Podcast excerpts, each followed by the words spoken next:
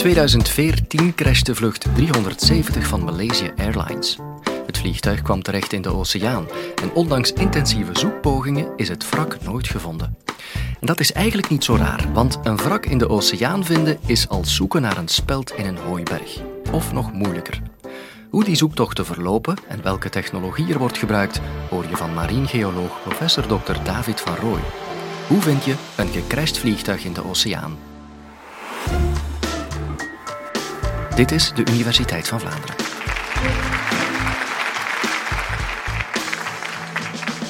Elk kind heeft er al eens van gedroomd om een piratenschat te vinden. En die droom die wordt regelmatig versterkt in de media. In 2015 vond een team van internationale wetenschappers het wrak van een Spaans schaljoen op 600 meter waterdiepte voor de kust van Colombia. Aan boord lag er voor 14 miljard aan goud, zilver en sieraden. Die zoektocht die duurde ellendig lang. Maar wat als we nu op zoek moeten gaan naar een recent gecrashed vliegtuig in de oceaan? Jammer genoeg gebeurt dat alles een paar keer. Denk maar aan het verdwijnen van de Malaysia Airlines vlucht 370 in 2014 boven de Indische Oceaan. En nog recenter, in januari 2019, verdween het vliegtuig van de voetballer Emiliano Sala van Cardiff City ergens boven Guernsey. Dan wordt het natuurlijk al wat dringender om dat wrak te gaan terugvinden. Nu, wat moeten we doen in die situatie? Nu, in de eerste plaats, wat we gaan moeten doen om dat wrak te gaan terugvinden, is om te gaan kijken wat de laatst gekende positie is van dat wrak.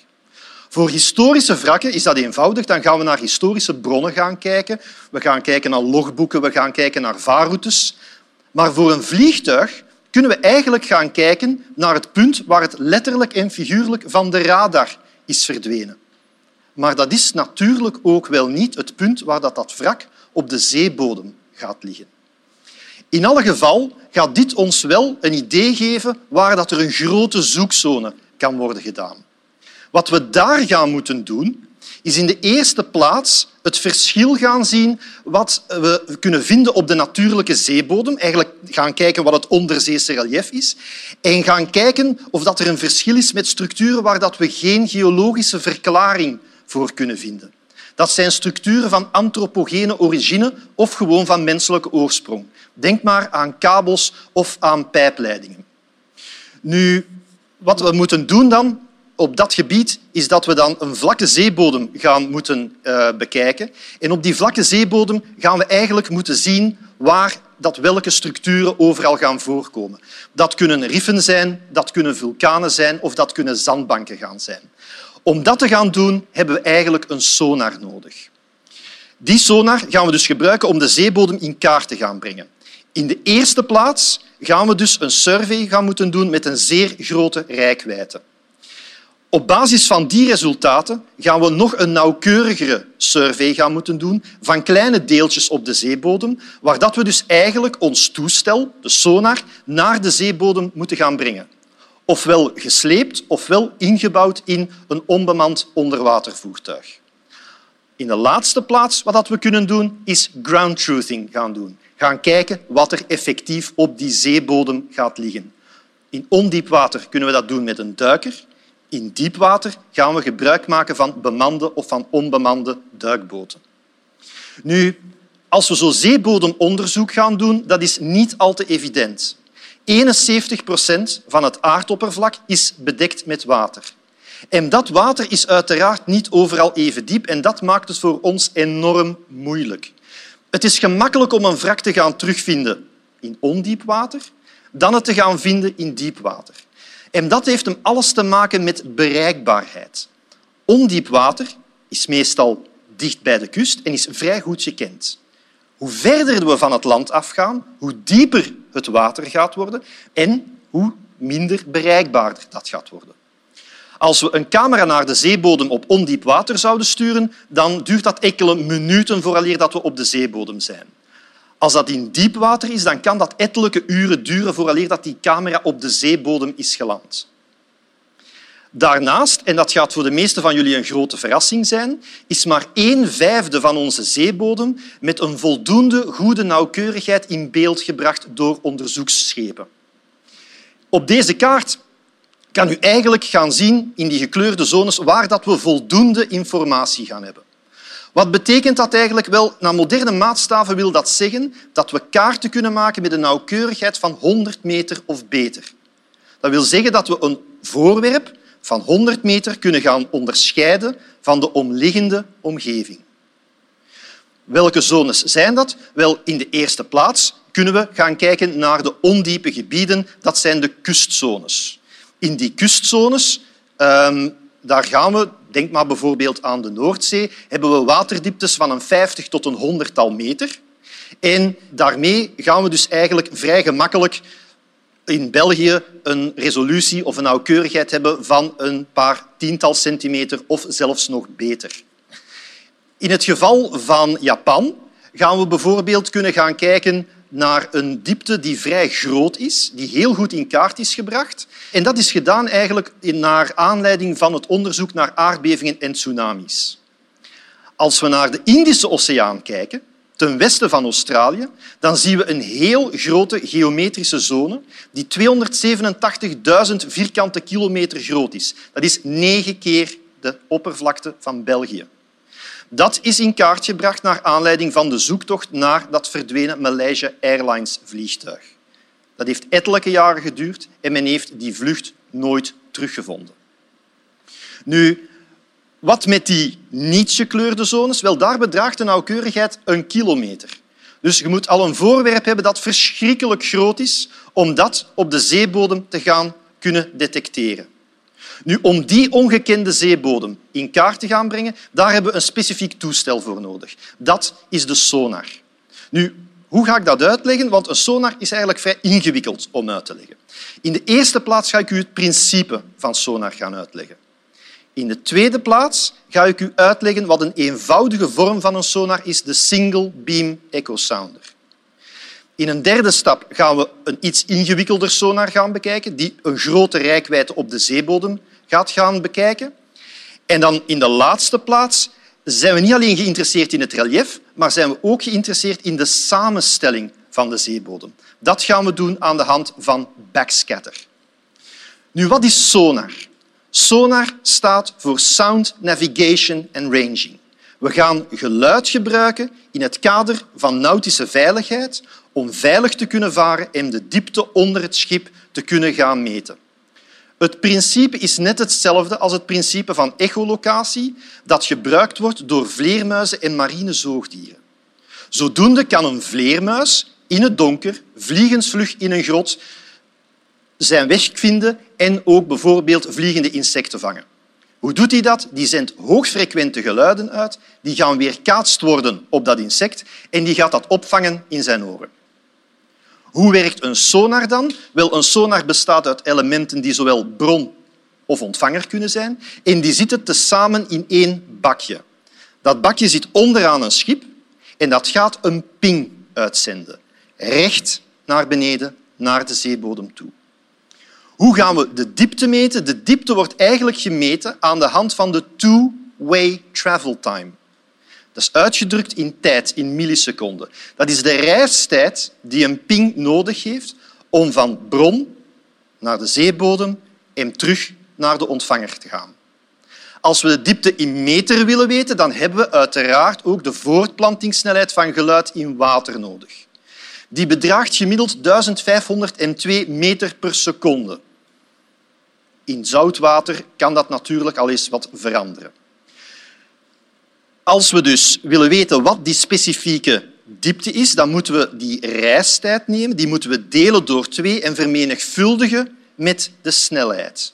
Waarom moeten we delen door twee? Wel, die reistijd wordt uitgedrukt eigenlijk als een heen- en weertraject en we hebben daar eigenlijk maar één deel van nodig. Zodoende kunnen we met echolocatie op een eenvoudige manier de afstand tot een voorwerp gaan bepalen. Hoe gaan we nu kaarten maken? Wel, daarvoor gaan we in de eerste plaats kijken naar die single beam echo sounder. Dat is eigenlijk gewoon een dieptemeter die op alle schepen standaard is ingebouwd. Wat gaat die doen? Die gaat één straal naar beneden sturen, een single beam, en zodoende gaan we heel gemakkelijk die dieptemeting kunnen gaan doen. Nu, die straal dat is eigenlijk een geluidsgolf. En een golf die gaat zich bolvormig gaan voortbewegen. We noemen dat sferische divergentie. Met andere woorden, we kunnen ook eigenlijk een object dat in de waterkolom zit, in de buurt van het schip, gaan detecteren. De echosounder die gaat die echo's verkeerdelijk gaan plaatsen recht onder het schip omdat hij er uiteraard van uitgaat dat hij enkel metingen doet van zaken die recht onder het schip zitten. Dat geeft dus eigenlijk een vals en een verwarrend beeld weer. Daarnaast gaan we ook, als we met een single beam echo sounder een groot gebied in kaart gaan moeten brengen, gaan we heel veel tijd gaan verliezen. Stel u nu voor dat we dat moeten doen met een nauwkeurigheid van 10 meter. Dan moeten we eigenlijk aan dat schip vragen om om de 10 meter een lijntje te gaan varen. Dat kan enorm lang duren. Aangezien er dus enorm veel beperkingen zijn op die single beam echo sounder, gaan we eigenlijk gebruik moeten maken voor wetenschappelijk onderzoek van een ander type echo sounder, de multi-beam echo sounder. Die zendt dus een waaier golven uit naar de zeebodem en die gaat ook ontvangers hebben die naar verschillende sectoren op de zeebodem gaat luisteren. Zodoende gaan die echo's op hun juiste plaats op de zeebodem, maar ook in de waterkolom teruggebracht kunnen worden. Het voordeel van deze methode is dat met een groter wordende waterdiepte de zoekzone ook veel groter gaat worden en de waaier van de detectoren die luistert uiteraard naar de zeebodem gaat ook breder worden. Doorgaans bedraagt die zoekzone vijf keer de waterdiepte. Dat wil dus zeggen, als je een survey gaat doen op een waterdiepte van 1000 meter, dan gaat je zoekzone vijf kilometer breed zijn.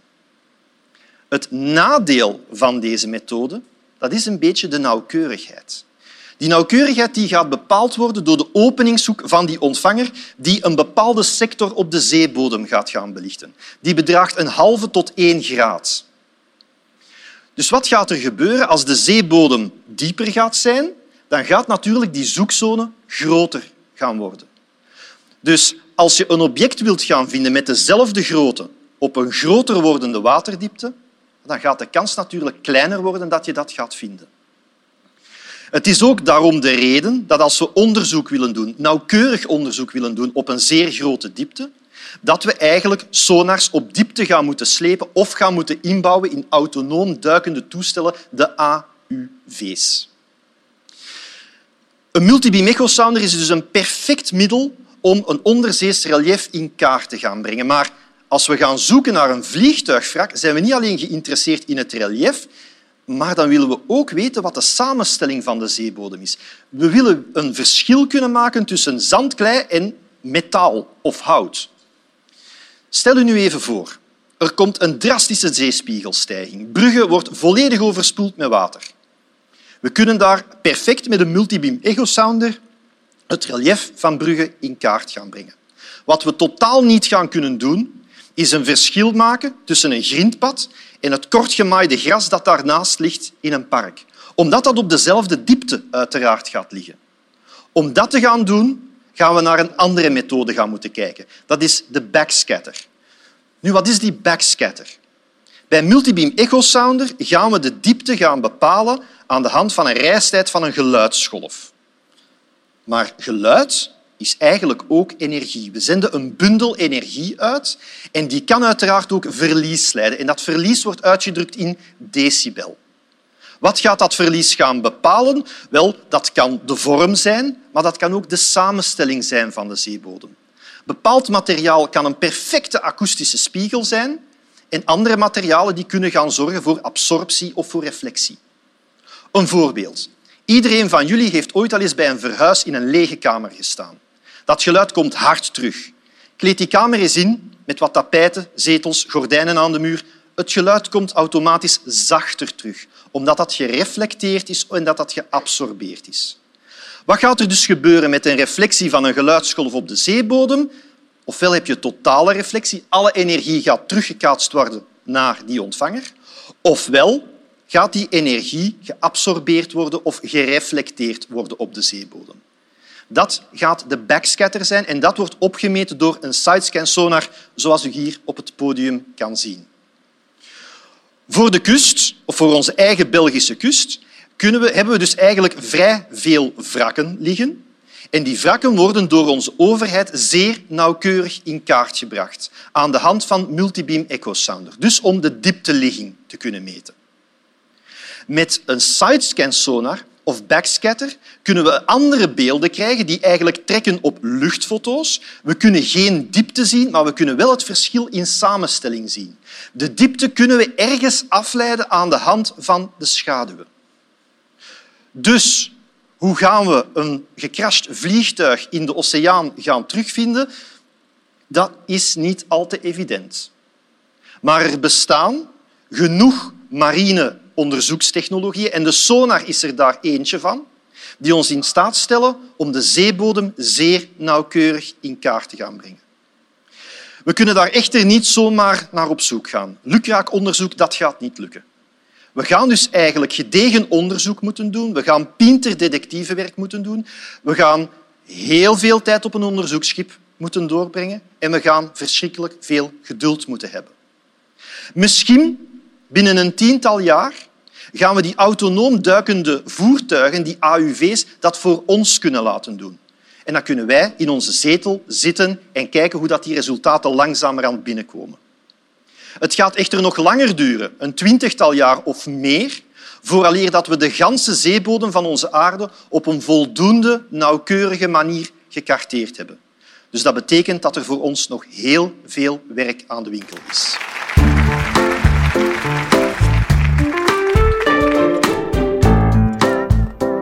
Krijg je maar niet genoeg van professor David Van Rooij? Beluister dan ook podcast nummer 227, waarin hij je uitlegt of België binnenkort op de Noordpool ligt.